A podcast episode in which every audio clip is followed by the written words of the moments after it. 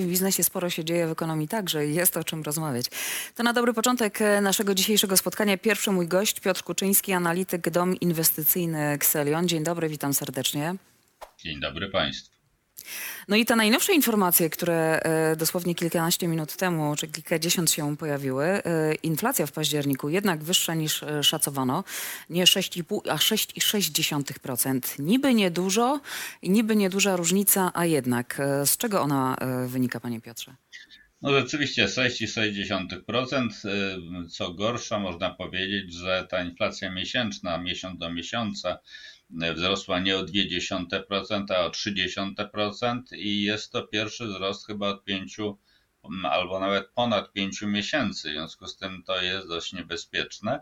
Jak zwykle żywność, ponad 8% y, wzrostu cen żywności waży na tej inflacji. No i oczywiście ten cud na dystrybutorach, przy dystrybutorach, czyli ceny paliw, no widać wyraźnie, że zdjęły 0,2 punkta procentowego z tej miesięcznej, y, miesięcznych cen, czyli gdyby nie to, to byłoby nie 0,3% miesiąc do miesiąca, a 0,5%, co już jest całkiem poważnym wzrostem. Y, Naprawdę ta inflacja jest zafałszowana przez to, co się działo na stacjach orlenowskich. Na Orlen narzucał mm, niestety ceny również i innym, innym stacjom benzynowym. E, Także to miało potężny wpływ i gdyby nie, nie, nie ten cud przedwyborczy na stacjach, no to pewno byłoby to dobrze ponad 7% ta inflacja by wynosiła. Ona i tak spada, bo, bo, bo, bo musia, musi spadać na razie, ale nie byłoby to 6,6, a pewno 7,5%. Czyli tego cudu y, na stacjach benzynowych już nie ma, czyli oznaczać to może, że y, w listopadzie inflacja będzie no jednak dużo wyższa, znaczy dużo, no powiedzmy jakieś tam trochę więcej niż jedna dziesiąta, może tak.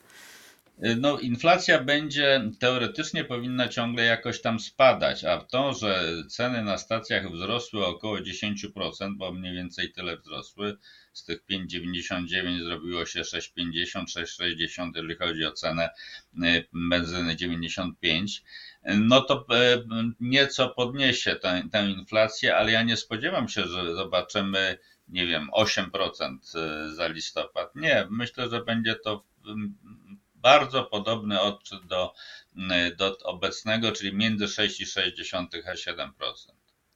E, Wspomniał Pan o kilku artykułach, kilku przestrzeniach, e, gdzie te ceny e, poszły w, w ciągu ostatniego miesiąca w górę. Jest coś, co, co potaniało jednak i co miało wpływ właśnie na ten wynik inflacyjny, taki, a nie inny. No, potaniała właśnie benzyna, właśnie paliwa, właśnie transport. Transport, no, którym głównym czynnikiem, głównym czynnikiem y, kosztów to jest właśnie paliwo.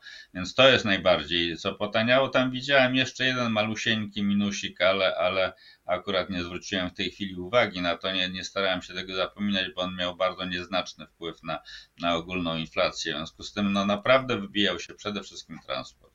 Tak, ja tutaj pozwolę sobie skorzystać ze ściągi. E, Z, potaniało na przykład masło o ponad 14%, mięso drobiowe o niemal 7% i cukier o ponad e, 3%, No tak, oprócz pani paliwa. Pani redaktor e, spoglądnęła w rozbicie żywności na poszczególne Tak, e, tak. produkty, prawda? No bo sama żywność drożała o 8%, a poszczególne produkty mogły się różnie układać. Ja powiem szczerze, na to niespecjalnie zwracam uwagę. Patrzę na ogólną kategorię żywność, bo ona ma 27% udział w całej inflacji, a to ma no w Polsce ma to olbrzymie znaczenie. W krajach bardziej rozwiniętych, na wyższym stopniu żyjących, na wyższej stopie żyjących, ten udział żywności to jest powiedzmy 15%, u nas 27%. Naprawdę bardzo duży. Tak, żywność i napoje bezalkoholowe 8%. Narodowy Bank Polski przedstawił takie prognozy dotyczące dynamiki inflacji i PKB. E, I czy pan się zgadza, że to faktycznie jest realne? Na przykład główny wskaźnik inflacji w 2025 roku ma wynieść 3,7%.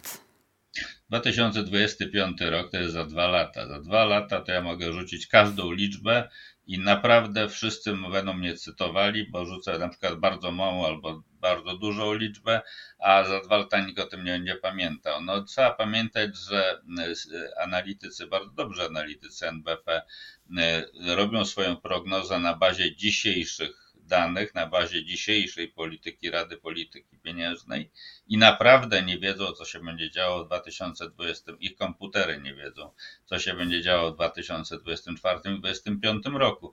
Także oczywiście to prawdopodobieństwo istnieje. Mm, trzeba pamiętać, że oni założyli, że zbliżymy się do celu inflacyjnego, czyli 2,5% inflacji plus minus 1 punkt procentowy w 2025-2026 roku, pod koniec 2025, z prawdopodobieństwem 50%, czyli z prawdopodobieństwem wynikającym z rzutu monetą orzeł-reszka. No tak, o ile jakieś zewnętrzne czynniki jeszcze nie spowodują, że te wahania będą dużo większe. Otóż to, dokładnie o tym mówię, że to naprawdę może się bardzo zmienić. Choćby nawet to, że mamy w tej chwili e, tarczę VAT-owską, jeżeli chodzi o żywność, prawda? VAT na żywność jest zerowy do końca roku. No i pytanie, co będzie w przyszłym roku? Jak jest z tarczą energetyczną, czyli te zamrożenie cen energii dla gospodarstw domowych? Czy będzie obowiązywało, czy nie? Ja zakładam, że przynajmniej przez pół roku będzie, no bo w przyszłym roku na wiosnę mamy wybory i chyba nie odważy się obecny, znaczy nowy rząd, który niestety powstanie dopiero w grudniu, no ale nowy rząd nie odważy się znieść tej tarczy inflacyjnej, tarczy ochronnej dla ludności, nie inflacyjnej, tylko tarczy ochronnej dla ludności. I rzeczywiście VAT na żywność będzie zerowy, a tarcza inflacyjna energetyczna będzie nadal obowiązywała. Czy te nowe dane o PKB Polski Pana zaskoczyły? Bo to wczoraj pojawiły się takie nagłówki wszędzie, że to pierwszy taki wynik w tym roku, że to odbicie od dna PKB Polski urósł realnie o 0,4% e, rok do roku. E, to e, dane GUS-u w szybkim szacunku. Kwartał do kwartału nasza gospodarka urosła o 1,4%. No wie pani, prognozy mówiły, że kwartał do kwartału wzrośnie o 2,2%, więc 1,4% to jest mniej niż 2,2%. Inaczej mówiąc, gospodarka zachowała się nieco gorzej niż oczekiwano, ale y, dane z poprzedniego kwartału GUS weryfikował mocno w górę. W związku z tym to, nie, to wcale nie był zły wynik. Można powiedzieć, że szykuje się nam całkiem niezły czwarty kwartał i to chyba e, spowoduje, że jeżeli chodzi o cały rok 2024, to PKB nieznacznie poniżej 1%, ale wzrośnie. Też nie wiem, czy to zaskakujące informacje, czy nie, z perspektywy eksperta, e, jakim pan jest. Wczoraj takie informacje się pojawiły i dziś kolejny dzień, że kurs złotego utrzymuje się na e, poziomach niewidzianych, w niektórych przypadkach, e, poziomach niewidzianych od lat. Euro i funt nie były tak tanie. Co się dzieje? Co ma wpływ na to, że ten, ta nasza waluta ma się tak dobrze? Ja już na początku listopada, kiedy kurs dolar złoty przebił poziom 4,18, to było takie z punktu widzenia technicznego bardzo ważne wsparcie. Powiedziałem, że dąży do 4 zł. Teraz byłoby to już bardzo no, nieodważne stwierdzenie, no bo wczoraj było 4,04, prawda? W związku z tym tuż za chwilę jest te 4 zł. Również spadł mocno kurs euro złoty. No wczoraj akurat to było powodem były dane o inflacji w Stanach. Nieco przesadzona reakcja, ale bardzo dobrze. Generalnie Polska jest coraz bardziej doważana funduszach inwestycyjnych po wyborach, no bo przedtem była niedoważana, teraz ten, ten procent udziału Polski w tych koszykach inwestycyjnych się zwiększa, więc następuje napływ kapitału. I co jest bardzo interesujące, to to, że kurs euro-złoty, czyli złoty do, do euro, utrzymywał się w kanale trendu wzrostowego, czyli lekkiego osłabienia złotego, począwszy od 2010 e, roku, czyli już 13 lat.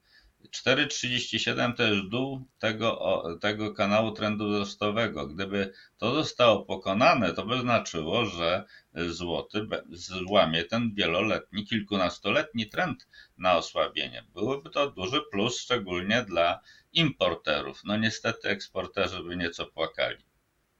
A e, na to, jak ma się nasza e, waluta, myśli pan, że realnie, to na razie nie ma wpływu, jak widać.